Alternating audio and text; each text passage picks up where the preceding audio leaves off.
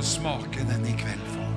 Vi skal få lov å drikke av dine kilder her i kveld, far. Du kommer her med din godhet, med alt ditt vesen, og møter oss, Herre. Halleluja, vi er ditt folk, Herre. Vi har gitt oss til deg, Gud. Vi har lagt ned våre liv for deg, far. Og vi vil bare tjene deg. Vi lever for deg. Vi vil være dine. Og takk at du har kjøpt oss fri og gjort det mulig for oss å komme inn i fellesskap med deg. Må din godhet bare hvile over oss i kveld, far. Takk at vi kan løse ut din godhet over oss i kveld, far, i Jesu navn. Halleluja, vi kan tale ut din godhet over oss, Herre. Din godhet inn i kropper som er syke, Herre. Der det trengs et mirakel, Herre. Din godhet, Herre. Halleluja. Og må din vilje, sånn som den er i himmelen, akkurat sånn som den er i himmelen, må det også skje her, i Skien, her på Lyngbakken i kveld, Herre. Skje din himmelen som i himmelen, så og på Lyngbakken, Herre. Og Herre, Herre, vi priser deg for din godhet, som er i himmelen, er her, Far. Vi priser deg, åpner oss for dette, Far. Vi vil koble med disse sannhetene her. Og takk, gode Hellige Ånd, at du gjør det mulig, Herre. Vi kommer ved tro, Herre. Vi tror at du lever, Jesus. Vi tror at du fins. Derfor er vi her. Hadde ikke vi trodd at du var virksom, så hadde vi gjort noe annet i kveld, Herre. Men her er vi, Far, for vi tror du lever, du er virksom, og du gjør dine gjerninger. Og vi ber om at din vilje må skje her, så som i himmelen, så også her i kveld, Jesus. Å, du kjenner våre hjerter, kjenner våre lengsler. Halleluja. Du kjenner all vår trang, Herre, etter mer av deg. Og så priser vi deg, for jeg er samlet i ditt mektige navn, i Jesu navn, i denne kvelden. Amen. Yes. Ja. Ja, så flott å være her igjen. Ja, det var en liten stund siden. Og, og min, mine problemer er som vanlig. Hva skal jeg ta? Det er så godt å ha overflodsproblemer. Halleluja. Du blir full av Den hellige ånd, så har man overflodsproblemer. Halleluja. For det er liv og liv i overflod, ikke sant, Liv? Halleluja. Det er veldig bra. Og Henning han har full tenning, så det her er jo bare, bare herlig å være her. Ok. Men dere, noe jeg har tenkt mye på som jeg har lyst til å dele med deg. Jeg, jeg, jeg, det er lørdagskveld, og vi tar en sånn eh, eh fest på lokalet, gjør vi ikke det? vi fester blikket på Jesus. Det er virkelig fest. Da blir det fest på lokalet. Det er, det, det, det er nesten juks. Ikke juks sånn, men vil du ha et herlig Som predikant, da, hvis du har lyst til å ha et herlig møte, så er det bare å skryte av Jesus. For da kommer Den hellige ånd. Det er jobben til Den hellige ånd. Det. det er en del av oppgaven hans. Det er å herliggjøre Jesu navnet for oss.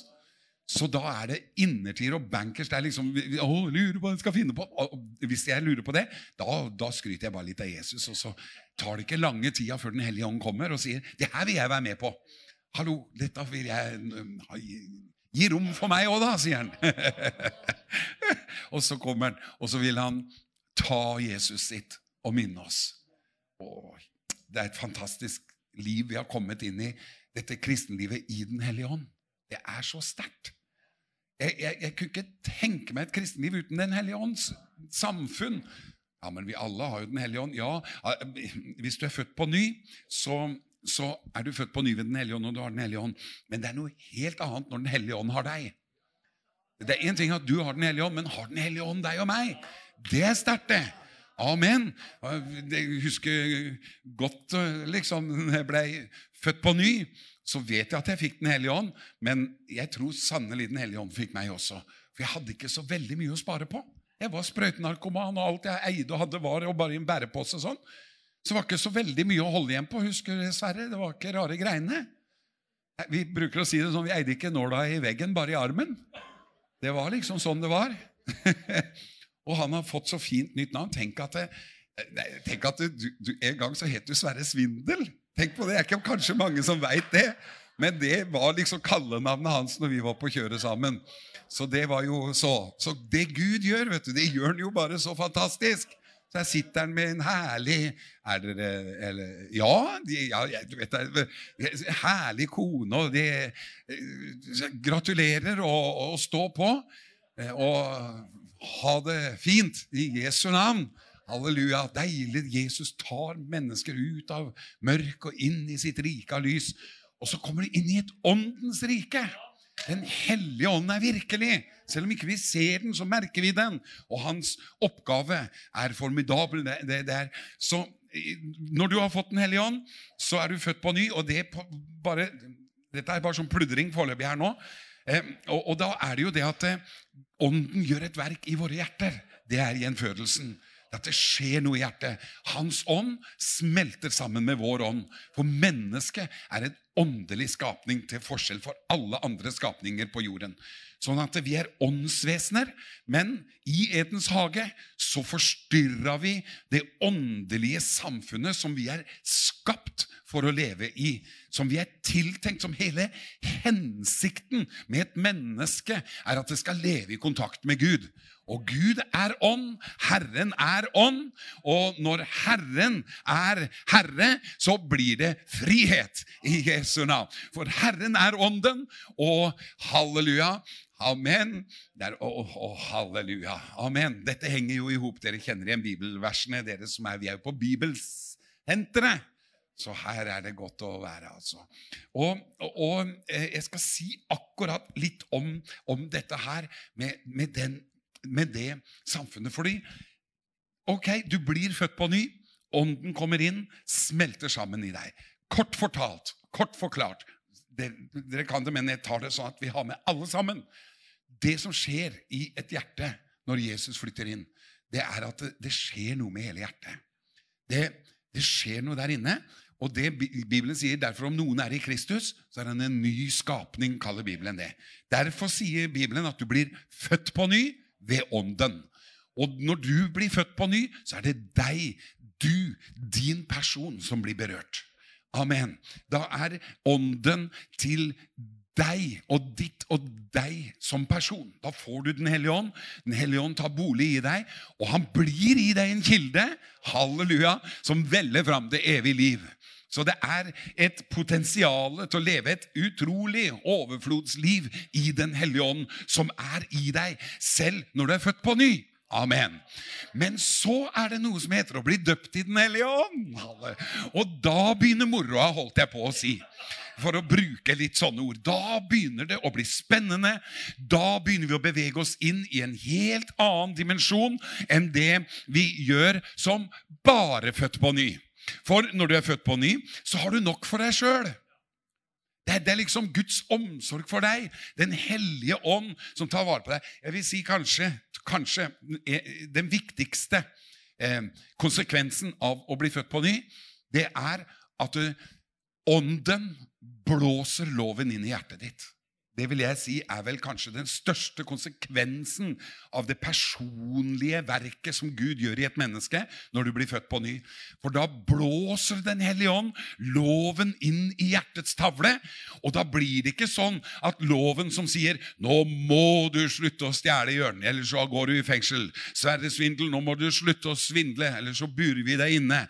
Alt dette loven som krevde et hellig liv av oss, og, og, og, loven er jo god, for den forteller, det, det, er jo godt at man slutter å stjele og ljuge. og alt det her, Men nå må du slutte å ljuge, nå må du slutte å drikke. Nå må du slutte. Nå må det bli slutt. Alt det der, der det var loven som krevde et hellig liv. Men det var bare at loven var på steintavler og var på utsiden av et menneske. Men, men, det, å, halleluja, men den lå egentlig bare som et, et bilde på det som skulle komme. Derfor ble denne loven den ble oppbevart inne i det aller helligste, i paktens ark, inne i paktens ark, inne i det aller helligste, der Guds ånd åpenbarer seg, det var inne i det aller helligste. Så det aller helligste, det, er, det var åndens område. Halleluja. Det er det innerste i tempelet. Det var ånden. Det var der Herren åpenbarte seg over arken, som er et bilde på vår frelse. Halleluja. Amen. Arken, det er paktens ark. Det er avtaleskrinet. Halleluja. Og avtalen er den nye pakt, og den lå på åndens avdeling i det aller helligste. Ikke uten grunn. Amen. For det er en åndens pakt vi har. Halleluja. Amen. Og når er det herligheten kommer? Over nådestolen. Halleluja igjen. Amen. Og, og det betyr alt dette talte han i lignelser, og vi får lov å nyte frukten av det. betydde det. Amen. Så dette er sterke saker. Og igjen, der inne i det aller helligste, inne i arken, der lå det noe og ropte 'Du skal ikke stjele'. Der lå det noe og, og, og kom med sine krav. 'Du skal ikke ljuge'. Du skal ikke begjære din nestes eiendom eller hustru. Det lå så mye der inne som på en måte fortalte oss hvordan vi skulle leve og ikke. Lovens krav ble oppbevart inne der på steintavlene, lagt inn i paktens ark, under nådestolen, på åndens område. Halleluja! Og dere skjønner det, for dere går på Bibelsenteret, vet du, så, og du ser jo parallellen inn imot den nye pakt. Og så sier Bibelen dette er den pakt, altså paktens ark, som jeg vil opprette med dem i de siste dager, sier Herren. Jeg vil gjøre så de holder mine lover. Og jeg har streket sterkt under 'jeg vil gjøre så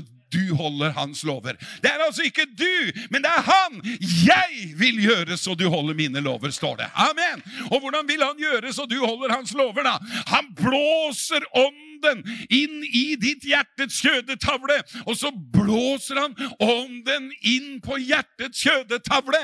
Og da blåser han loven inn. Hva betyr det? Loven sier 'du skal ikke stjele', så han blåser noe inn i ditt hjerte som bare begynner å rope 'du skal ikke stjele'. Sånn at det som var umulig for loven, det gjorde Gud. Amen. Kjenner dere åpenbaring her? Halleluja! Er det ikke godt å være frelst? Og det er å bli født på ny. Amen. Det, å, halleluja.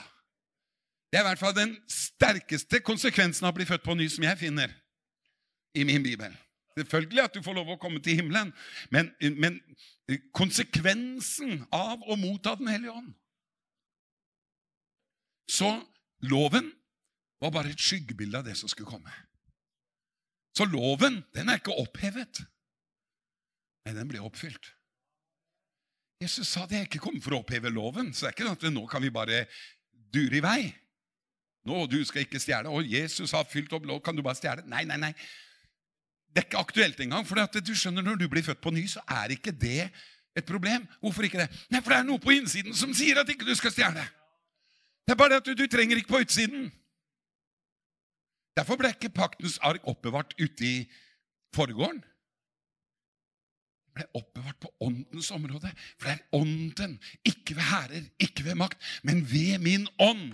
Halleluja. Og det som da var umulig for loven, fordi det var maktesløst pga. kjødet, det gjorde Gud da han sendte sin sønn i syndig kjøds lignelse. Og for syndens skyld så fordømte han synden i kjødet. Og det gjorde at syndens lønn, som er konsekvensen, er atskillelse fra Gud, er betalt. Og nå kan vi komme tilbake til Gud. Og når du kommer tilbake til Gud, så får du samfunn samfunnet tilbake. Og Den hellige ånd kommer inn i deg, og du, Den hellige ånd blåser loven inn. Og når du har fått blåst loven inn i ditt hjerte, da er du en ny skapning. Da er det noe som ikke var der før, og da sier Bibelen at alt er blitt nytt. Og så er du født på ny. Men selv om du er født på ny, så er det noe over nådestolen. Den, den, den hellige ånd, den, den, du kan si den fylte atmosfæren inni der. Og det er derfor jeg er pinsevensk i min Pinsevensk. Det var fint. Ikke svensk, men pinsesvensk. Holdt jeg pinsevensk. Mm. Det var sånn nesten, da. Men eh, så, så, i min forståelse av Guds ord, for å bruke det uttrykket, så, så tror jeg på Den hellige ånden i deg og Den hellige ånd hos deg. For Han sier 'Jeg skal sende dere talsmannen, og han skal være i dere'. Og så står det 'og han skal være hos dere'. Så selv om du har Den hellige ånd inni deg, så er det så viktig at vi også har Den hellige ånd hos oss. Og Den hellige ånd hos oss er kan du bruke et annet uttrykk på, er Guds manifesterte nærvær. Halleluja. Amen. Og da er det ikke bare deg det handler om lenger. Da kan hele nabolaget kjenne at det skjer noe når Guds ånd begynner å manifestere seg, og vekkelse begynner å skje. Da er det ikke lenger at du er født på ny og kommer til himmelen og har fått Den hellige ånd og har litt sånn, hva skal vi si, eh, personlig hygiene. For det er det det er. Det er jo virkelig personlig åndelig hygiene. Du blir et bedre menneske. Det lukter ikke så kjøtt av deg. Du blir bedre å være sammen med. Eh, når du blir fylt av ånden, og, og, og, og, åndens frukter kommer ut av deg, så blir du en fruktbar kristen. Og, du blir en gavmild kristen. Du blir en mild, du blir fredsommelig, du blir ettergivende. Det blir ikke så sterke meningene. De blir ikke fullt så sterke. Kanskje du trenger litt tid på dette. Noen bruker et helt liv på akkurat den. Og så er det liksom litt sånn da, forskjellige ting som vi vil vokse fram etter hvert som vi lever med Gud. Og det er åndens frukt og, og, og, produkter av Den hellige ånden som tar bolig i oss. Og det kan du si egentlig, så er åndens frukt det er det tvert motsatte av kjødets gjerninger. Det er helt motsatt. Åndens frukt er glede, og eh, kjødets frukt, eller kjødets gjerning, er vrede. Bare studer det i Efeserbrevet, så ser du det. Hva kan det vel være mer motsatt av vrede og glede? Det rimer så godt. Amen. Og det er bra. For det, jeg har aldri hørt om noen som er gledevred på en gang. Tenk noen som er rasende sint og happy-happy på en gang. Da må du være minst schizofren. Da kanskje det går an, men da har du større problemer enn Ja, la oss glemme det. Da må vi hente autoriteten i Jesu navn. Det får vi ta en annen gang. Men i hvert fall så, så, er det noe med det her med at, at det, så, så skal, Hvordan skal du bli kvitt vrede? Jo, bli fylt med glede. Ja, men jeg må først kvitte meg med vreden for at jeg kan få gleden. Kan ikke gjøre det motsatte? Kan du ikke heller bli fylt med glede, så blir du kvitt vrede? Og si, Hva skal du gjøre i mellomtida hvis du først skal bli kvitt vreden? før du får gleden? Hva skal du gjøre i venteværelset der, da? Det er bedre å bare glede deg i Herren. For det kan du gjøre alltid. Gled deg i Herren alltid. Ja, men jeg kan ikke alltid. Alltid! Halleluja. Hvorfor det? For da forsvinner vrede. En glad kristen er ikke en sinna kristen. Det er vi enige om. Hvordan skal du ikke bli sinna? Bli fulgt av Den hellige ånd. For åndens frukt er glede og fred i Den hellige ånd. Halleluja. Dette her er sånn basic deilig. Og for og jeg som hadde tenkt å være så flink i kveld. Og det er Den hellige ånd. Amen. For jeg tror det er noen som får noe godt ut av det, noen ting som blir satt litt på plass tror jeg, i åndens verden her akkurat for nå. For noen så er det noen, jeg, jeg, kan kjenne det, at for noen her nå så er det ting som detter på plass. Du har lurt på det, du har lest litt, og, og, og, liksom, du har ikke helt klart å lande dette med ånden. Stå på åndens eh, eh, født på ny, og det er så mye greier, og frukter og åndens frukt og, og liksom sånn, og hvor du skal plassere det hele. og Har du Den hellige ånd, så har jeg vel Den hellige ånd. og Hvordan kan du si 'Kom, Hellige ånd' når Den hellige ånd er kommet? Og videre. det er mange sånne grublerier mange kristne har. Men det er ikke noe vits i å gruble. Men jeg kan jeg si at eh, kabalen går opp når du forstår at det er hva skal vi si, to fylder av Den hellige ånd, eller, eller to main tracks, altså to hovedspor som Den hellige ånd gjør. Det er Han føder deg på ny, og så vil Han fylle deg, døpe deg med Den hellige ånd. Halleluja. Og Det er to forskjellige opplevelser av den exact same spirit. Halleluja. Amen. Halleluja. Så, så Derfor så kan du være en kristen, ha Den hellige ånd, være født på ny, uten egentlig å forstå at det er å være litt sånn analfabet på en måte når det gjelder Den hellige ånd. Det går an. Kanskje ikke du likte det ordet, men så, noe må vi jo kalle det. Det var et godt ord. Ja, men det provoserte meg. Nei da. Mener du at alle som du vet, på Sulla, det er litt sånn, mener du at alle som ikke er døpt i Den hellige ånd, da er analfabeter kristne? Liksom. Sånn, sånn, er det noen som ah, Sånne mennesker trenger i hvert fall å bli fylt med Den hellige ånd. Ah, de er så slitsomme. Da merket Jesus i sin ånd at de tenkte 'Hvorfor tenker dere slik ved dere selv?' sa Jesus. Og den gaven har jeg faktisk. Halleluja. Så pass deg litt her. Så det er ikke bare humor når jeg kommer med de. Det er små piler ifra ånden. Så, så, men, men, sånn er det. Eh, og så, halleluja, skal vi gå litt videre. denne pakten inne i det aller helligste Åndsfylte kristne er herlige kristne å være sammen med. Er du enig? Det er godt å være sammen med kristne som, som er fulle av Den hellige ånd. Hvis du er sammen med kristne som ikke er godt å være sammen med, så er de antagelig ikke så veldig full av Den hellige ånd. Men når, er, når, når, jeg blir full av Den hellige ånd, så blir jeg en mye bedre person å være sammen med. Og selv om jeg er en gang døpt i Den hellige ånd, så er det ikke sånn en gang døpt i ånden, alltid døpt i ånden. Men hva kan du si? Åndsdåpen, førstegangsopplevelsen, første introduksjonen, det er åndsdåpen. Når du første gang opplever det. Og da er det Da falt Den hellige ånd på dem, står det. Og da er det epi som er ordet. Det er noe utvendig. Epi, det betyr på. Og det betyr ånden falt på dem. Det er sånn. Nå, nå er den duken på mikrofonen. Jeg kunne skrudd av huet her og putta den inni. Ikke sant? Og så, og nå, er, nå, er, Den hellige ånd inni, liksom. Skjønner du? Men, men han, er, han, er, på. Men han er begge deler. Du skjønner det at du får Den hellige ånd inni deg. Og selv om du har da Den hellige ånd inni deg ja, Er det så mange hellige ånder, da? Nei, men det er så mange som vi trenger av mennesker. holdt jeg på å si. Den samme ånd. Én ånd å drikke. Men vi er mange mennesker her. Den hellige ånd er jo ikke begrensa av sånne menneskelige ting. Så Den hellige ånd er inni oss alle sammen. Og samtidig ønsker han å falle på oss alle sammen. Og når Den hellige ånd faller over oss, kommer over oss, hva er det som skjer da? Da blir du utrustet til tjeneste. Da handler det ikke lenger bare om deg. Da handler det om naboen din også. Så når du blir født på ny, så får du Den hellige ånd til deg. Og når du blir døpt i Den hellige ånd, så får du nok til naboen din også.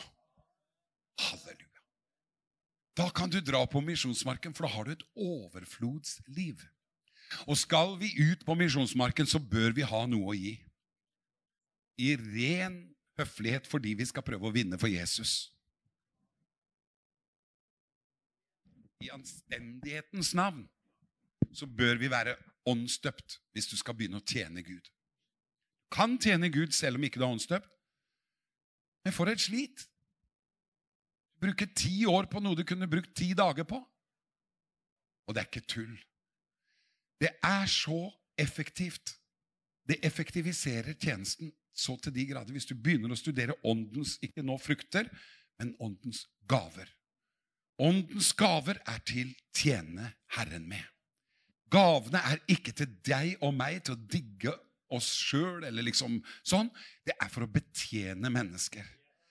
Nådegaven til å helbrede syke er for å betjene de syke. Ikke for å oppleve et heftig mirakel. Dessverre er det noen som drar det ned på det planen der.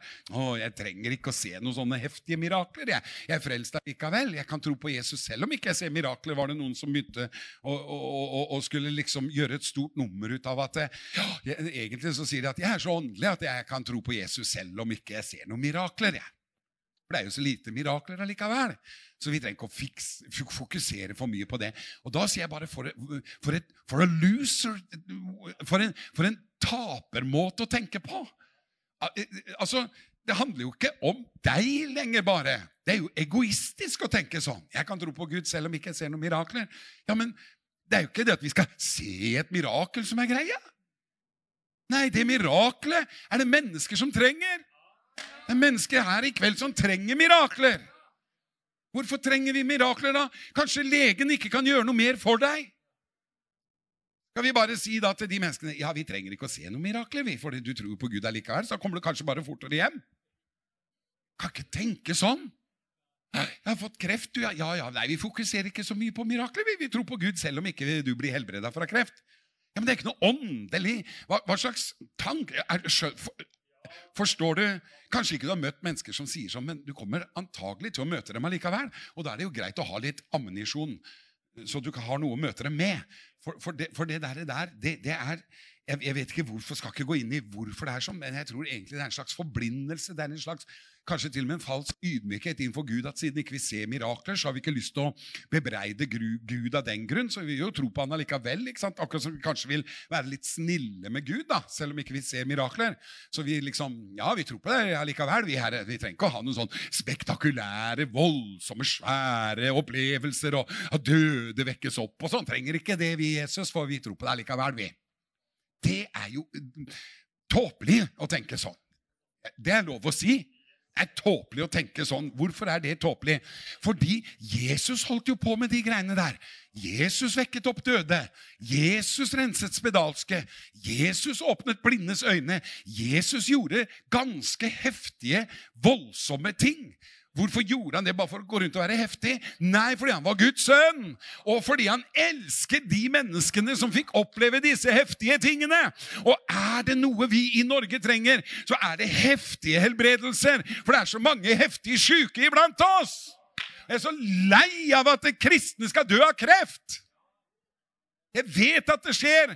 Ja, Derfor bør vi ikke fokusere for mye på det og helst glemme det og komme oss fort over det. Nei, la oss heller si, kjære Gud i himmelen, vi trenger mer av det du har for oss, så vi kan betjene mennesker rundt oss. Halleluja! Mennesker trenger helbredelse. Og vet du hva helbredelse er for noe? Det er Guds godhet i fysisk form. Halleluja! Amen! Det er en, et mirakel. Halleluja! Et økonomisk mirakel er Guds godhet og velsignelse i fysisk form.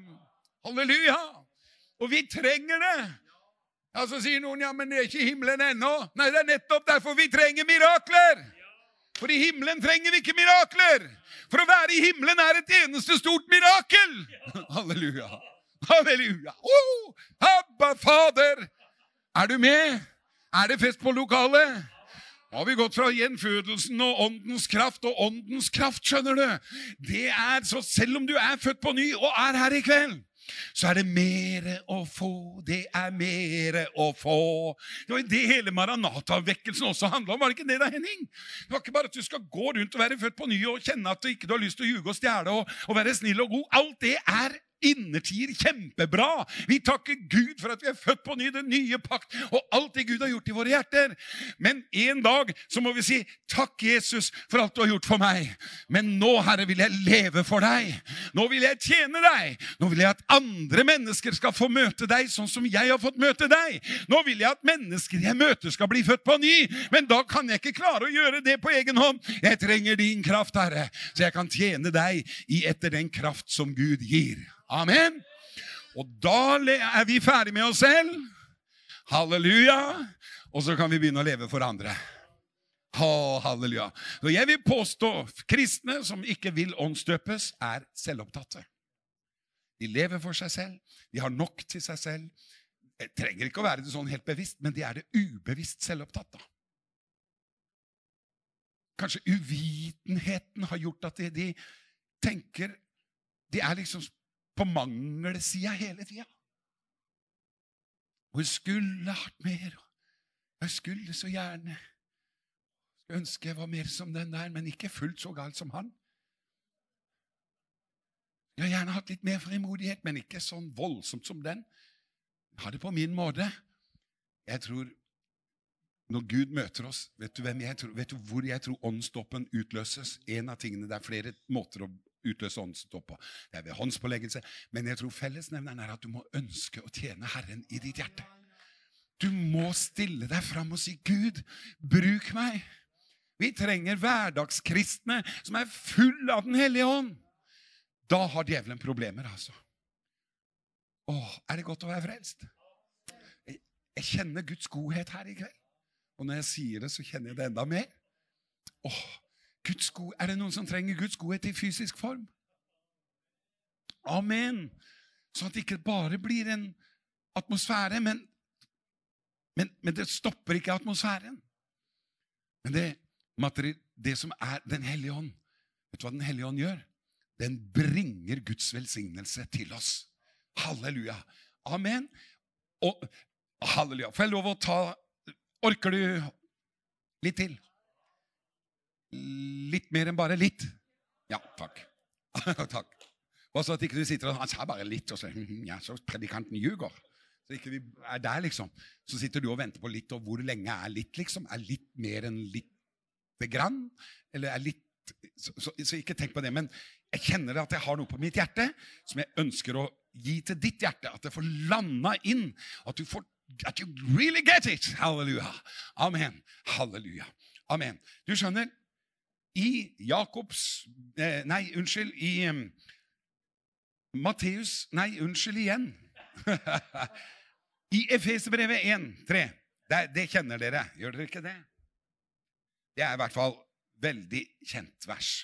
I Efeserbrevet 1 og kap kapittel 1 og vers 3 så står det Lovet være vår Herre Jesu Kristi Gud og Far. Han skal velsigne oss snart med Deilig. Takk. Han skal snart velsigne oss. Nei, unnskyld. Det står 'Han har velsignet oss' med all åndelig velsignelse i den himmelske verden i Kristus Jesus. Er det noen som er i Kristus? Takk og lov. Da er vi på vinnerlaget, altså. Amen. Og Jesus er en vinner, og djevelen er en taper. Djevelen er en evig taper, faktisk. Så det er godt å være enig i akkurat det. Og dere, han, det står at når da, Det står liksom litt baklent, men hvis du leser det litt andre veien Jeg leser Bibelen fram og tilbake. jeg. Her står det at han har velsignet oss med all åndelig velsignelse i den himmelske verden i Kristus. Altså i den himmelske verden i Kristus. Hvis du tar det litt bakover I Kristus så er det sånn at Kristus han er plassert i det himmelske, høyt over alle makter og myndigheter. Det er andre bibelverser. Eh, men i Kristus, og hvis du er i Kristus, så gjelder det greiene her. Lovet være Herren vår Kristus, Han som har velsignet oss med all åndelig velsignelse i himmelsk i Kristus. Og Det betyr at du må inn i Kristus. Og er du i Kristus, så har du det som står foran. For alt det som står foran, det er i Kristus. Ok? Du ser det? Ser du hvor deilig det er å lese Bibelen fram og tilbake? Fram og tilbake, dobbelt så langt. Og du får dobbelt så mye ut av det. Du kan få åpenbaringene baklengs også. Altså, lovet være Gud, det gjør vi jo, ikke sant? Og vår Herre Jesu Kristi Far.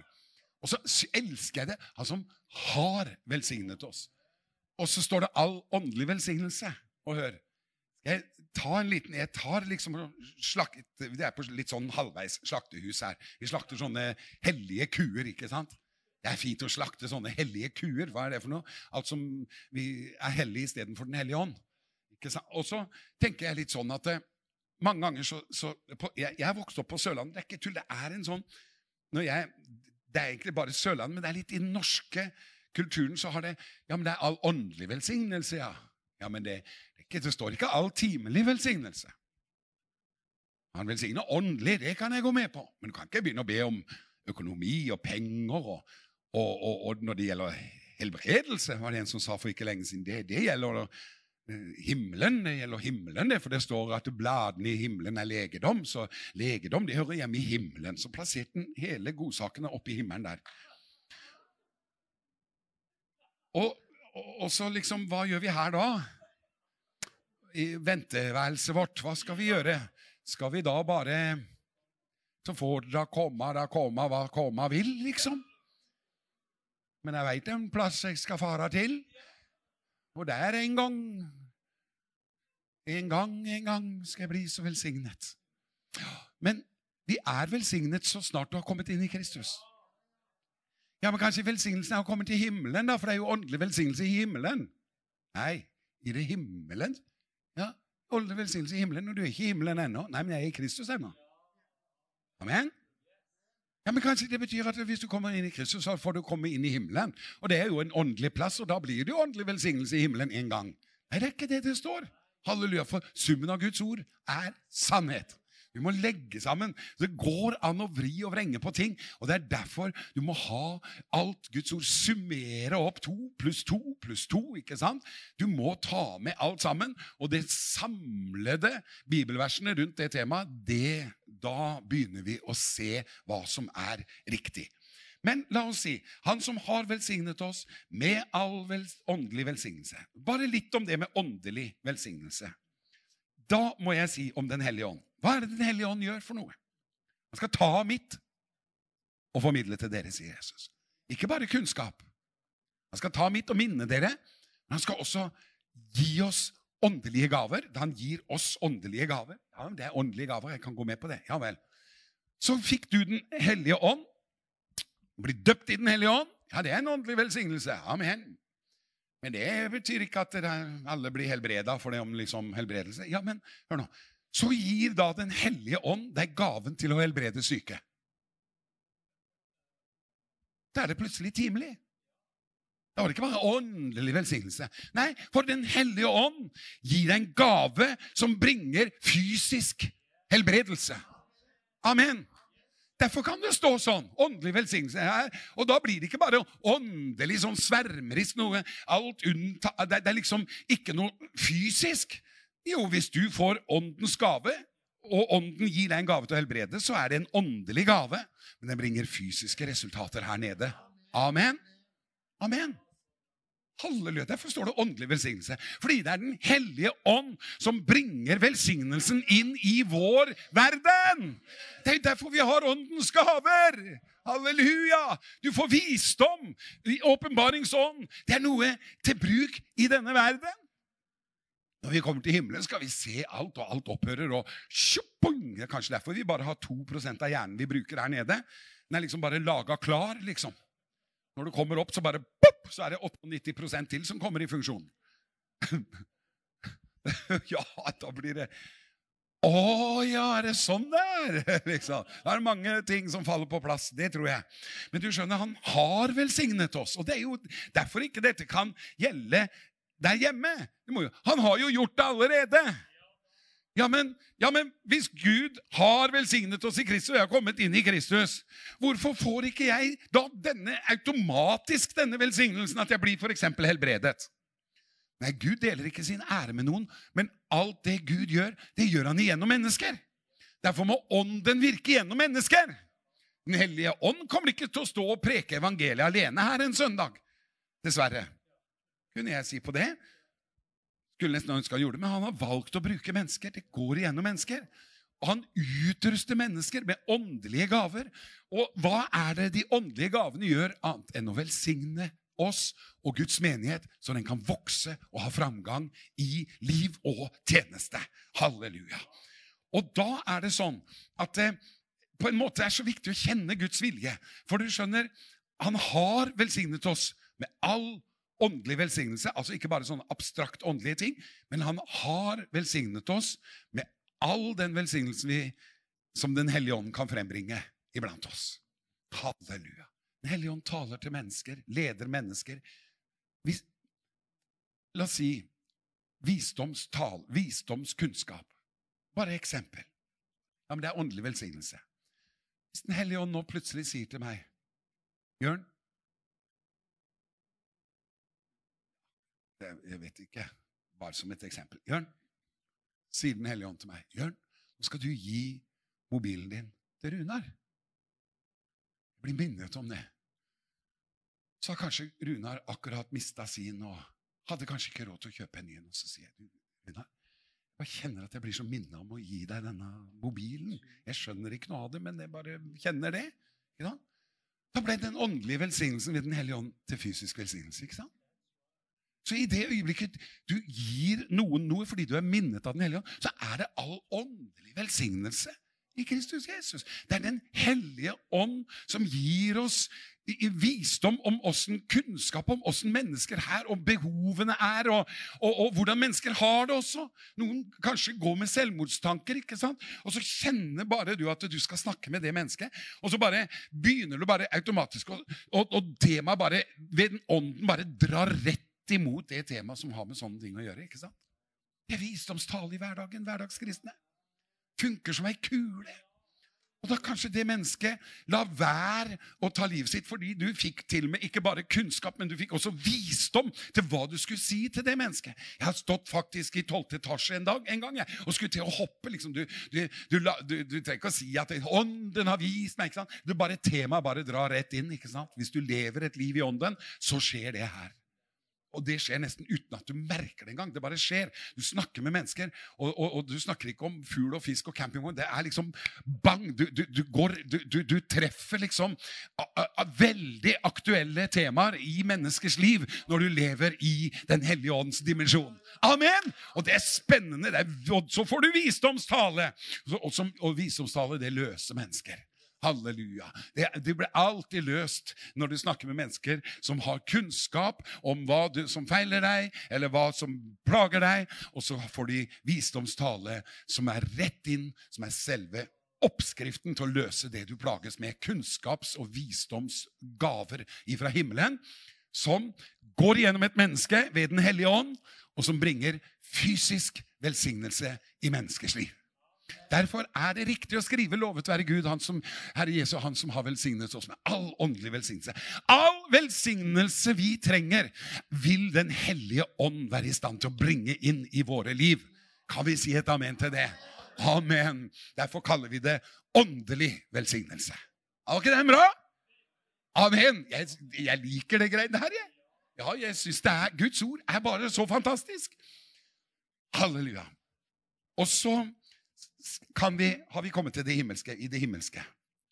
Og så står det Så vet vi at vi har fått autoritet i Jesu navn. Det, å, det blir en sånn skikkelig bibelsnadderkveld her. altså. Bibelsenter, altså. Det er bra navn. Du, ta denne. Så, så, kan du si at ja, men når du kommer i Kristus, så er det bare sånn at det, boom, så løser alle problemer seg. Så er det bare liksom halleluja hele tida. Ikke bare halleluja, det er litt takk og lov også. Men det får vi ta en annen gang. Du, når du da kommer inn i Kristus, så er det ikke bare faktisk, da er det faktisk sånn at det, det er jo ikke sånn at det bare alle problemene forsvinner. Og noen bruker det som et argument til at derfor er det ikke så enkelt. For det at det, Selv om du blir frelst og, og får Den hellige ånd og blir døpt i Den hellige ånd, og sånn, så kan du ha mange behov, og det er mange ting som ikke du, Det er jo ikke sånn at med en gang du blir frelst og født på ny, så, så forsvinner helbred, så blir du helbreda. Eller fordi om du er kristen, så å bli frelst. Og så er det ikke sånn at alle sykdommene bare forsvinner. Sånn er det noen som også da argumenterer. Det, det er disse hellige kuene vi er borte på nå. Så tar vi den også. Nei, kakker den. Rett på slakteriet med den. Halleluja. La oss henge den opp og spise den og fortære den, og så sier vi ikke hva som skjer etterpå. For litt visdom har jeg fått med åra.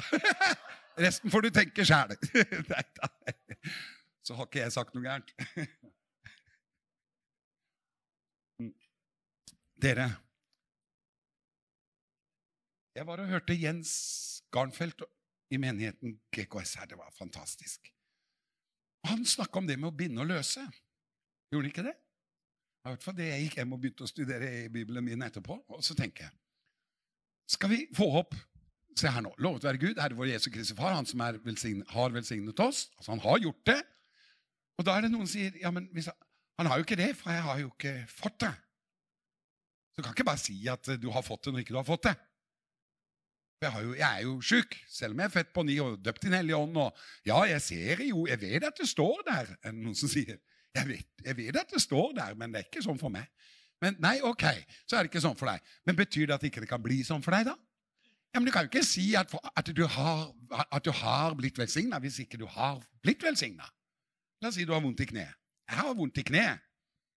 Så jeg har jo ikke blitt velsigna i kneet. Selv om jeg er i Kristus. Ja, Men hvordan forløser vi det da? Vi må jo da være til hvert fall enige med at det er åndelig velsignelse i himmelen. I hvert fall. Ok? Ja, det var jo det jeg sa. Vi skal jo til himmelen ennå. Det er jo der det gjelder. Ja, Men hør nå. Matteus 18, 18. Kan vi få den opp? Det er så fint med den. Matteus evangelium, kapittel 18 og vers 18.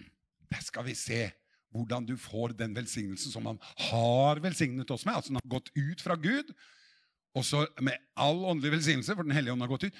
Og Den hellige ånd er i det himmelske dimensjonen. Og så ser du hva som står i da Matteus evangelium og kapittel 18 og vers 18. Så står det sannelig sier jeg dere, det dere binder på jorden, skal være bundet i himmelen. Og hør, det dere løser på jorden, skal være løst i himmelen. Halleluja. Sånn at det, hvis all åndelig velsignelse er i himmelen, så er jo ikke vi i himmelen enda. Vi er jo på jorden. Ja vel, men når vi er på jorden, så bare løser vi det ut i Jesu Kristi navn, så skal det som er i himmelen, bli løst ut på jorden. Så hvis ikke du er velsignet, så er det feil å si at ikke du er velsignet, for du er velsignet. Det er bare det at Jesus har sagt Se, jeg gir dere makt. Det er noe som heter autoriteten i Jesu navn. Og den er ikke bare til at vi skal binde djevler i himmelskrommet, men du kan binde opp om alt som hindrer velsignelsen i å strømme, og du kan også løse ut velsignelsen i Jesu navn fra djevelske demoner som vil hindre den i å flyte. Kan vi skrape sammen til et amen? Amen! Halleluja. Her får vi liksom hele regla her, vet du. Halleluja. Og jeg syns dette er så nydelig. Og da kan ikke du stå og si at Gud ikke har velsignet deg, bare for ikke du har løst ut velsignelsen. For han har velsignet deg. Det er der i det himmelske, tilgjengelig, gått ut fra Guds hjerte. Så det er ikke Gud som holder tilbake velsignelsen. Han har velsignet deg, og det ligger der i form av at Den hellige ånd ønsker å bringe det inn.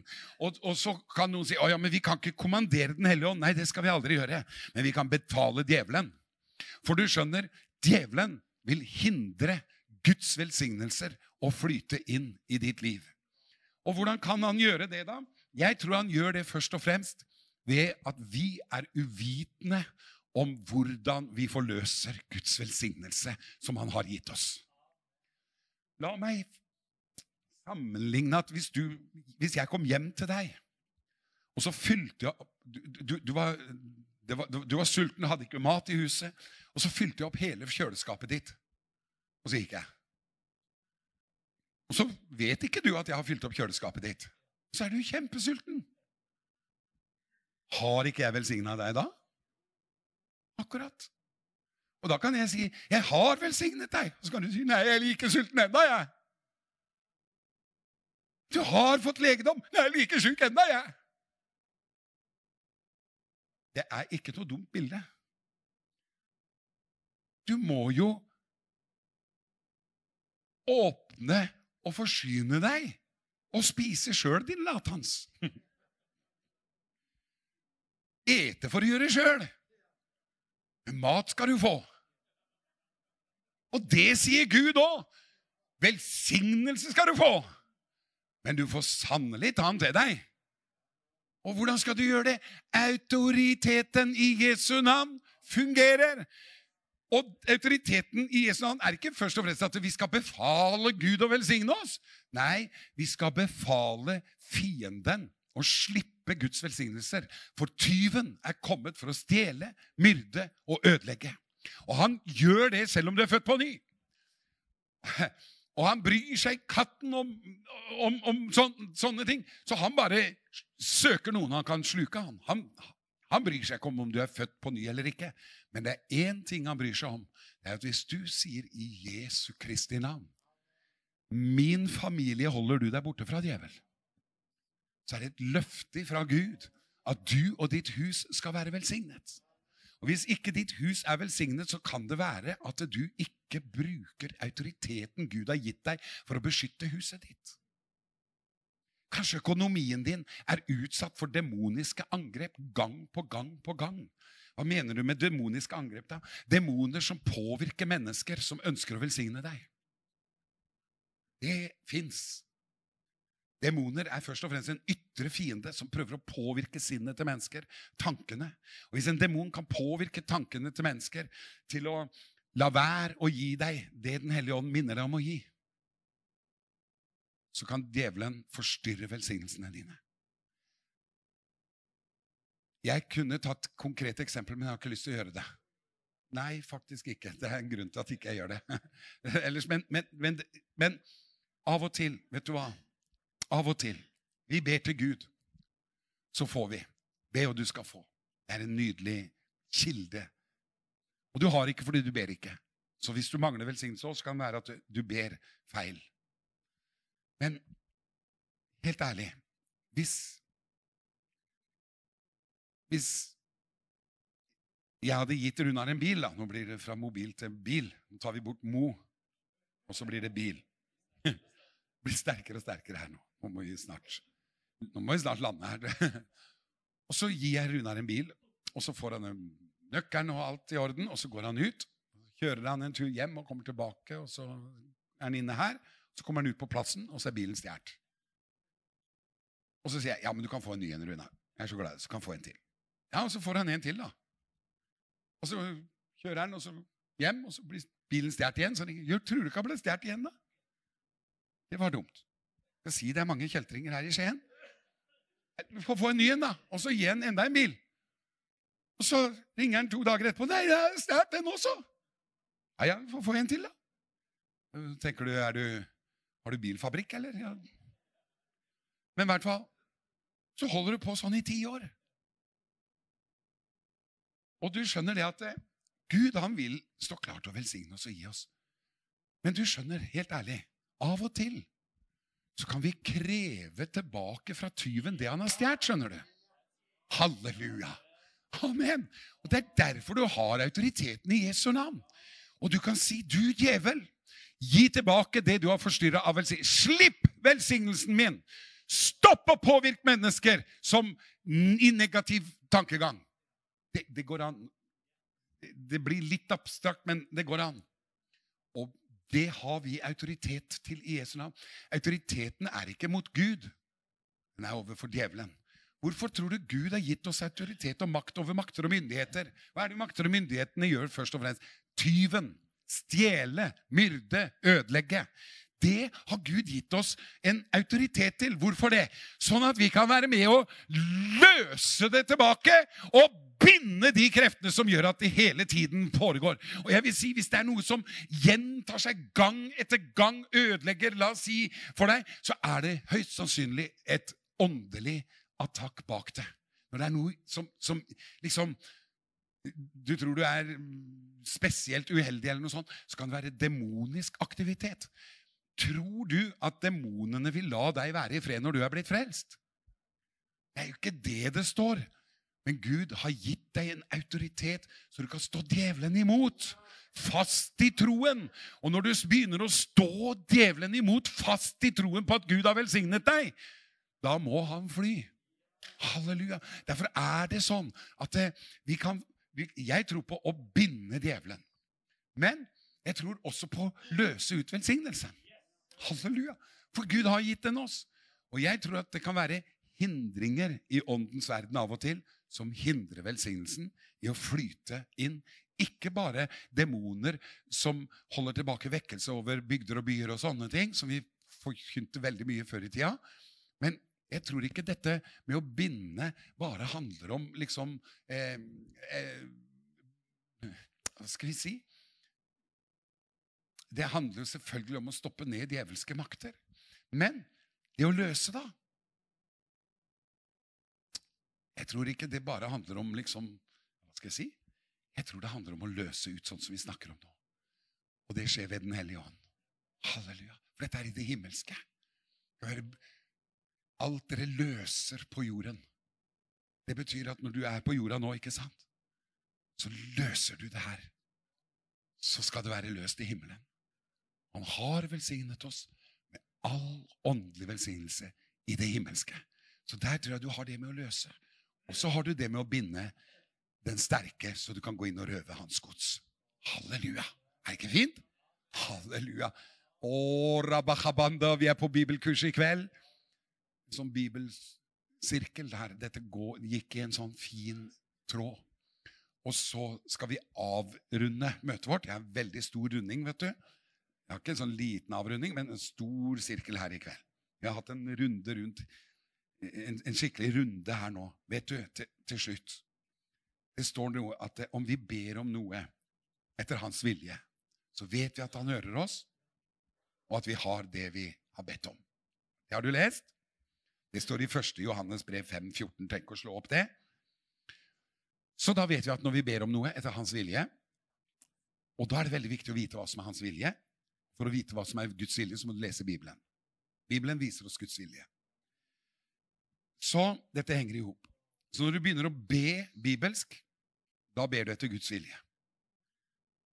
Er det bibelsk at Gud vil helbrede syke? Jepp. Han gikk omkring og helbredet noen. Alle dem som var underkuet av djevelen. Så jeg tror at helbredelse er for alle. Selv om ikke alle blir helbreda, så er det for alle. Og Gud gjør ikke forskjell for folk. Så kan vi begynne å diskutere ja, men hvorfor blir ikke noen det. og sånn. Ta bort de negative hvorfor og få på de pluss hvorfor. La oss undersøke saken på en positiv måte, så vi kan få tak i Så alle kan bli velsigna. Amen. For Golgata-pakken gjelder ikke bare noen, for da hadde det vært et himmelsk lotteri. Og vi er ikke med på et evangeliumlotteri. Det er ikke noe, noe Jesus-bingo vi er på her i kveld. Hvor det er liksom en som går av gårde med en slags hovedgevinst. Nei, vi er alle velsignet. Er du i Kristus, så har du rettigheter på dine velsignelser. Derfor står det i Bibelen at alle som rørte ved ham, ble helbredet. Men det er ikke alle som vil røre ved ham. Det står ikke noe om de som ikke rørte ved ham. Men alle som rørte ved ham, ble helbredet. Da er det viktig at vi er iblant dem som vil røre ved ham. Er du enig med det? Da er du i hvert fall i den kategorien som har mulighet til å oppleve de sakene her. Så ha den innstillingen 'jeg vil røre ved ham'. Så om vi ber om noe etter hans vilje, vet vi at han hører oss, og at vi skal få det. Og så ber vi da 'Skje din vilje', sånn som i himmelen, så også på jorden. Når du ber Fader vår, så ber du helbredelsesbønn. Nei, helbredelsen er i himmelen. Ja vel, er det veldig mange kreftsyke i himmelen? Kanskje mange i himmelen som var kreftsyke her nede. Det tror jeg. Men jeg tror at når de kom hjem der, så er det ikke lenger sånn. kommer du inn i det fullkomne. Inn i det evige fullkomne. Ingen kan overbevise meg om at det er skal vi si, astmasyke mennesker i himmelen. Det tror jeg ingenting på. Ingen skal si at det er mennesker der oppe med diabetes, og plutselig får de englene hjerteinfarkt. liksom. Jeg tror ikke på det. Jeg, jeg, kan ikke se for meg at vi trenger å gå på legekontor eller gå på krykker i himmelen og knekke beina i himmelen. Jeg tror ikke noe på det. Jeg tror i himmelen er det fullkommen. Det er ingen tårer, ingen gråt, ingen savn. Det er fullkommen. Og når vi da ber 'skje din vilje i himmelen', sånn også på jorden Halleluja! Da ber vi om at ingen skal være syke. Halleluja. Det er ikke bare noen som er friske i himmelen. Alle er friske i himmelen, ok? Amen! Derfor kan oppmuntre Gud oss til å be om at alle skal være friske på jorda. Og det røkker godt i de der religiøse demonene i dette landet her. det her, her. Nå er, tar vi sjefskua. Det er jo ikke alle som blir helbreda. Nei, det er fordi de møter sånne som deg, som snakker sånn. Du snakker jo vantro inn i folk og deg selv. Det er jo ikke alle som blir helbreda. Ikke himmelen ennå. Herlighet, er jo sånn helbredelse og mirakler og sånn. Veldig må jo huske på at du er ikke i himmelen ennå. Nei, det er nettopp derfor vi tror på helbredelse. For i himmelen er det jo ikke helbredelse. Men de samme folka ber Fader vår så det spruter etter. Fader vår, du som er i himmelen. Hver søndag ber de om at alle mennesker på jorden skal være helbredet. Men de tror ikke på det. Nei, men Da ber du om noe som du ikke tror på. da. Det er ikke bra.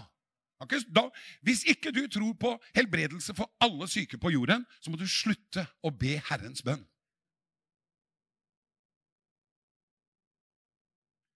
Nå tok vi kua skikkelig. Og vi har ikke helt klart å slakte den. Han spreller ennå eh, ganske kraftig, kjenner jeg. Han, ligger på bakken og rister sånn like før han dauer nå.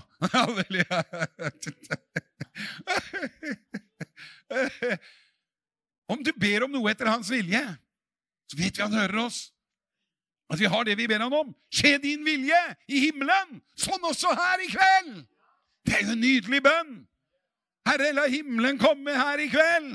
Herre, la himmelen manifestere seg. Det som er i himmelen. Vi løser det ut over oss i kveld. Amen. Skal vi gjøre det sammen? Det er lørdagskveld, og vi fester blikket på Jesus. Og la oss løse ut velsignelse over hverandre, så at vi kan gå herifra med en himmelsk manifestasjon i våre kropper.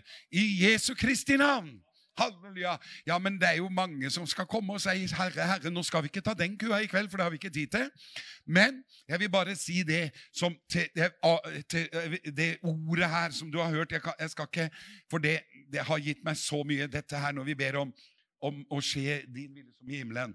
Og så, og så står det i Jakobs brev 1,17, det siste bibelverset du får her nå. får det bare med sånn. Akkurat det kan du sette der mens vi skal be for folk. Den Jakobs brev hvis du kan klare å finne opp Jakob 1 og vers 17. Et fantastisk bibelvers. Jakob 1, 17. Se på dette. Å, jeg elsker det bibelverset. All god gave. Er det godt å være sjuk? Nei. Da kommer ikke det fra Gud. Hvorfor? Vi må jo tro på det vi leser. Og så står det all god gave og all fullkommen gave kommer ovenfra, fra lysenes far. Hos ham er det ingen forandring eller skiftende skygge. I mange år så har jeg lagt mest vekt på det siste partiet. Hos ham er det ingen forandring eller skiftende skygge.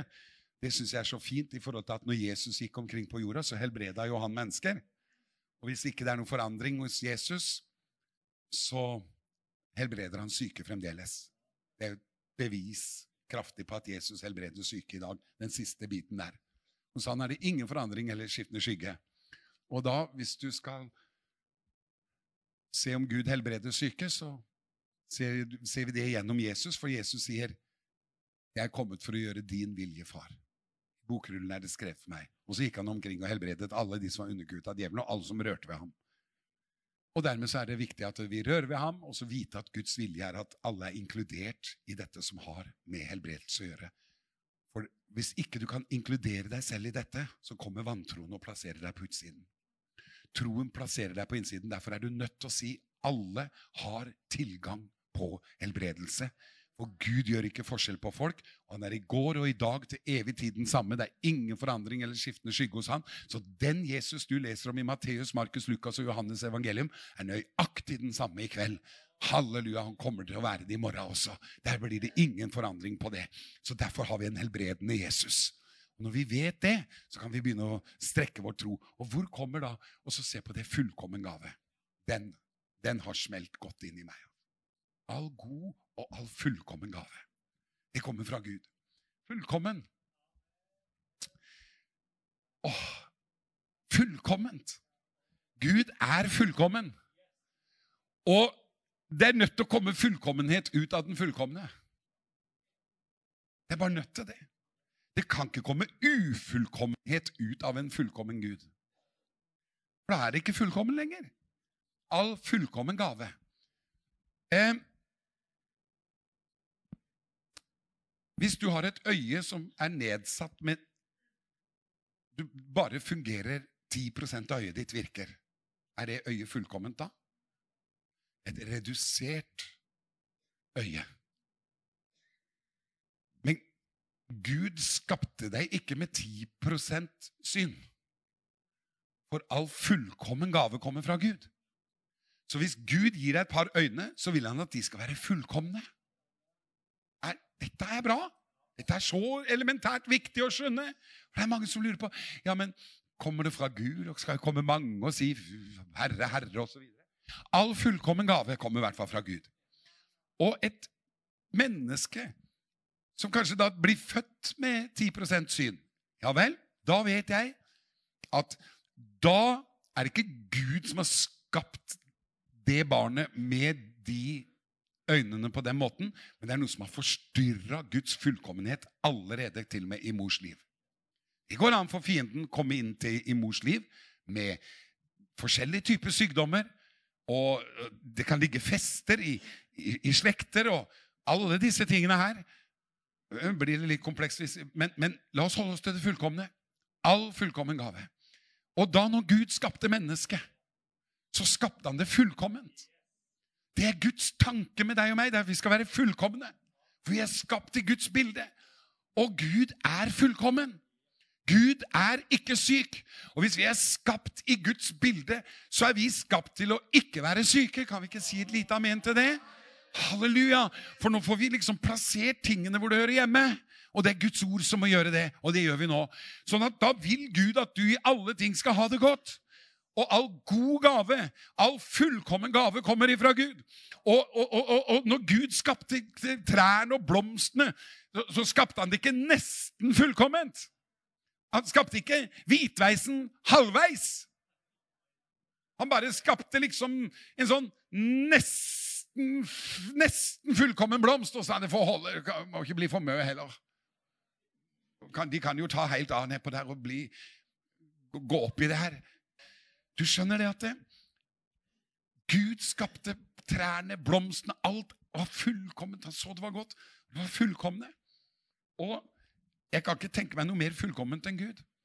Og når Gud skaper noe, så gjør han det jo fullkomment. Og da må vår målestokk være fullkomment. Halleluja! Alt som kommer fra Gud, er fullkomment, står det! Det kommer ikke mørket ut av lyset, gjør det det? Det er ikke sånn at du skrur på lysbryteren her, og så kommer det plutselig ut masse mørke. Det går ikke an å komme mørket ut av lys. Det går ikke an å komme ufullkommenhet ut av det fullkomne. Det, det, det, fullkomne er fullkomment, og når den fullkomne gjør noe, så gjør han det fullkomment. Halleluja. Amen. Derfor kan du bli fullkommen helbreda her i kveld. Halleluja. Det er flott om du blir litt bedre, men det målet er det fullkomne. Halleluja. Jesus ba to ganger. Da kan vi be ti ganger. Først så ba han for han som gikk omkring, og så akkurat som trær som gikk omkring. Han hadde jo blitt bedre. Kanskje han gikk fra 10% til 30% Så sa han ja, det får holde. Nei, det er en fullkommen gave. Han ba en gang til. Mange ganger så gir vi så fort opp. Andre ganger så er det mange som jeg beundrer deres tålmod også. Kanskje har vært framme til forbønn i årevis og mange ganger òg. Han har til og med kanskje slipt tak i troen på en fullkommen helbredet kropp. Ja, ja, noe kan vi lære oss å leve med, tenker vi. Og det skal ikke si at det ikke går an å lære seg å leve med visse sykdommer og sånn, men jeg vil heller ikke si at ikke det går an å bli fullkomment helbreda. Så det spørs litt hvor vi stopper litt opp. Derfor har vi møter som i kveld. Så vi kan, vi kan liksom pushe hverandre litt videre i troen. Vi kjemper troens gode strid, skjønner dere. For å kjempe, kjempe troens gode strid, så må vi ha troens ord. Halleluja. Og når vi kommer med ordet, resonnerer opp, gjør noen refleksjoner som jeg har gjort her nå, så kommer troen. Og så styrker vi hverandre i troen. Vi tar oss av den som er svak i troen, uten å sette oss til dommer over at 'Å, du har så liten tro.' og Det er ikke noe sånt. Det går faktisk an å være som Thomas og sier. Eller 'Jeg tror, men hjelp min vantro'. Jeg tror jo på dette, men jeg kjenner at jeg også tviler. Ja, men da skal vi ta oss av hverandre, da. Og hjelpe hverandre. Og ingen bedre hjelp er det enn å så ut Guds ord for troen kommer av forkynnelsen som kommer av Guds ord. Så, å, så kjenner du at du reiser deg på nytt og kjenner jeg vet du hva, jeg skal, jeg skal ikke slippe taket i troen på å bli fullkommen helbreda. Jeg skal ikke slippe det der håpet der. Det håpet gjør ikke til skamme, men la håpet vokse seg sterkt, sånn at det går fra håp til tro. Tro er hakket sterkere og hvassere, som vi sa, eh, enn en håp. Håp er viktig, men tro er enda Wow. Det, det er når håpet blir til full visshet. Og det kan skje med Den hellige ånd. Så jeg har lyst til å be Gud, vår gode Far i himmelen, som er fullkommen, full av kjærlighet og godhet, som har velsignet oss med all åndelig velsignelse i det himmelske. Den himmelske dimensjonen. Den hellige ånd er her. Så i kveld skal vi be for deg som er syk, plaget eller andre ting. Kanskje du trenger Vi stopper ned demonisk aktivitet over, over ditt sinn. De demonene som prøver å attakkere som skaper tungsinn.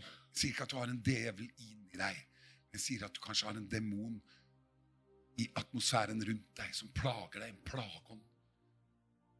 Du vet ikke hvorfor ikke du får sove om natta. Du, det er liksom ah, Tankene våkner til, og du klarer ikke å sove før det har gått to timer. Du er her i kveld. Men i Jesu navn skal vi binde den ånden som gjør at du blir liggende våken og gruble. I Jesu Kristi navn, her og nå, i denne kveld, så er du avslørt, Satan. Du demon som hindrer mennesker i å legge seg til ro og sove. I Jesu navn. Vi binder opp om din aktivitet på dette stedet. Vi bryter din makt i navnet Jesus og befaler deg å slippe ditt tak. Vi befaler deg å vike bort ifra atmosfæren rundt disse menneskene. Det tror jeg er to-tre stykker, faktisk. Shaprando lachanduane som dette gjelder. Det er det, akkurat det at ikke du får sove der, det er demonisk aktivitet som hindrer deg å sove. Det er det. Plageånd heter det. Du har trodd at det var bare noe greier. Eller du vet ikke engang du, Men du tar, i hvert fall et par av dere tar også litt tabletter for det. Men, men Og én gjør ikke, for du vil ikke. For du vet at Herren er ditt håp. Men, og du har blitt bedt for mange ganger også. Mange ganger har du blitt bedt for du syns ikke det virker. Og, og en av dere har blitt litt glad i de tablettene også. Uten å ville innrømme det.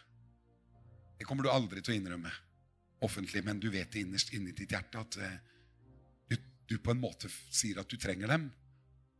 Men det gjør du egentlig ikke, sier Herren. Du trenger Herren, du trenger et mirakel. Så sier du ja, men jeg har blitt bedt for så mange ganger. Det, det, det, det funker ikke. Så inntil Herren gjør det, så trenger jeg dette. Oi. Jeg er i et grenseland hvor jeg aldri har vært før. Men akkurat denne gangen sier jeg det. Kast sovemedisinen din i do når du kommer hjem, og du skal sove og aldri mer trenge å ta en eneste tablett, sier Herren. Hvis du gjør det i tro på meg. Så Jesu Kristi navn, er dette gjelder nå. binder jeg de demonene som plager deg. Bryter disse demonenes makt over dine tanker. Og jeg binder det og bryter det ned og befaler det og bøyer kne for Jesu navn og forsvinne og aldri mer komme tilbake. Ta det imot i tro i Jesu navn nå. Kjente du at dette visdomsordet passa på deg sånn? Ta det til ditt hjerte nå og handle på det i Jesu navn. Og du vil oppleve den friheten du har lenge ønsket og lengtet etter i Jesu navn. Amen. Halleluja. Jeg er veldig forsiktig med å si at folk skal hive tabletter i do. Akkurat de der sovetablettene kan du gjøre det. Stemmer ikke det? Det er ikke farlig å hive ja. Ikke hvis dette var et ord fra Herren, så får du ikke abstinenser på det her. Amen. Halleluja. Og Funka det ikke, så får du heller gå til legen etterpå da, og si at du hørte på en gal predikant som sa jeg skulle hive de i do. Så tenker jeg nå er du blitt skikkelig hekta. Nå har du brukt dem opp allerede. tenker jeg. Nå vil du ha flere. Men, så det er en type medisiner som ikke er farlig på noe som helst måte å kaste. Jeg sier ikke at du skal hive hjertemedisinen din. Da skal jeg få et nytt sånt ord. Da vil jeg si det. Jeg vil være lydig. Da må ordet gjøre det, ikke bare fordi bare noe vi finner på. Kan ikke bare lage sånne ting. Det må være Den hellige ånd. Men når det er Den hellige ånd Og dette, det, det ordet som kom jeg, jeg, kan si så mye at jeg, det var Herren. Jeg, over, jeg er overbevist om at det var Gud. Så handle på den troen og handle på dette, og du vil oppleve det du har lengtet etter og håpet skulle skje, og bedt om, og du kanskje til og med har slitt litt tak. Halleluja. Så vær løst og fri. Og dere andre også, i Jesu navn, vær løst i Jesu navn, far, ber bare om at det, dette må slippes i tak. Herre, vi ber om at din fred, som overgår all forstand, skal komme inn i soveværelsene til alle som sliter med å sove. Og, og, og pustestopp om natta også, i Jesu navn. I Jesu Kristi navn. I Jesu Kristi navn skal søvnstå, søvnapné, pustestopp, det skal stoppe i Jesu navn fra denne kveld i Jesu navn. I Jesu navn befaler vi pustestopp og slutte i Jesu navn. Amen. Vær løst fra det i Jesu navn. Halleluja. Jeg sier ikke gå hjem og sett fyr på søvnmaskinen din eller den der pustemaska di, men, men uh, vær fri i Jesu navn. Halleluja. Jeg tror Den hellige ånd er virksom her nå. Handuane, Far, vi priser deg. Skal vi bare stå litt opp på våre føtter her, dere, så, så tror vi på at Gud Vi vil også be, legge hendene på hverandre. Vi vil at alle der, Her er det jo pastorer i overflod i kveld. Og det er fint. Og, og, og veiledere og bønnekjemper og alt mulig er inne. Og mange Vi vil veldig gjerne være med og legge hendene på deg. Jeg tror at helbredelse kan bare skje så uproblematisk. kan bare være en håndspåleggelse. Vær frisk. Så er du frisk. Det tror jeg på. Skal du som kjenner at jeg trenger et mirakel, en fullkommen gave i kroppen min, kan, kan ikke bare samles her framme. Så har vi det som en sånn respons trekk gjerne litt lenger fram. Så skal vi være med å be for og med hverandre nå, mens vi skal også da prise Herren litt. Halleluja, fare. Så bare kommer dere fram. Så skal vi be. Legge hendene på hverandre og be til Gud, vet du. At mirakler skal skje her i kveld. Fullkomne mirakler. Halleluja. Ja, bare kom. I Jesu navn. Kom. La all din fullkomne gave flyte her i kveld, Jesus. Og la din fullkomne, fullkommenhet komme, far. Herre, skje din vilje i himmelen, så også her på Lyngbakken i kveld, far. Å, Herre, skje din vilje. Å, Herre, vi vet at din vilje er at vi skal være friske, Herre. Og vi vil være i din vilje i all evighet i himmelen. Så vi bryter sykdomsmakt og plager i kveld. Jesu Vi står imot, vi reiser oss imot det. Takker deg, far, for autoriteten i ditt mektige navn, Herre, som du har betrodd oss. Og ved Den hellige ånds kraft og salvelse, far, så vil vi bare være med og løse ut helbredelse, far. La din kraft og din velsignelse strømme gjennom oss i kveld. Herre, jeg vil være med og bare først og fremst legge mine hender på mine nådesøsken. Far i himmelen trenger ikke å dytte ingenting, men du gjør det du gjør, Herre. Herre, la din kraft strømme gjennom oss i kveld, Herre. Og la din godhet strømme. Kom, Hellige Ånd.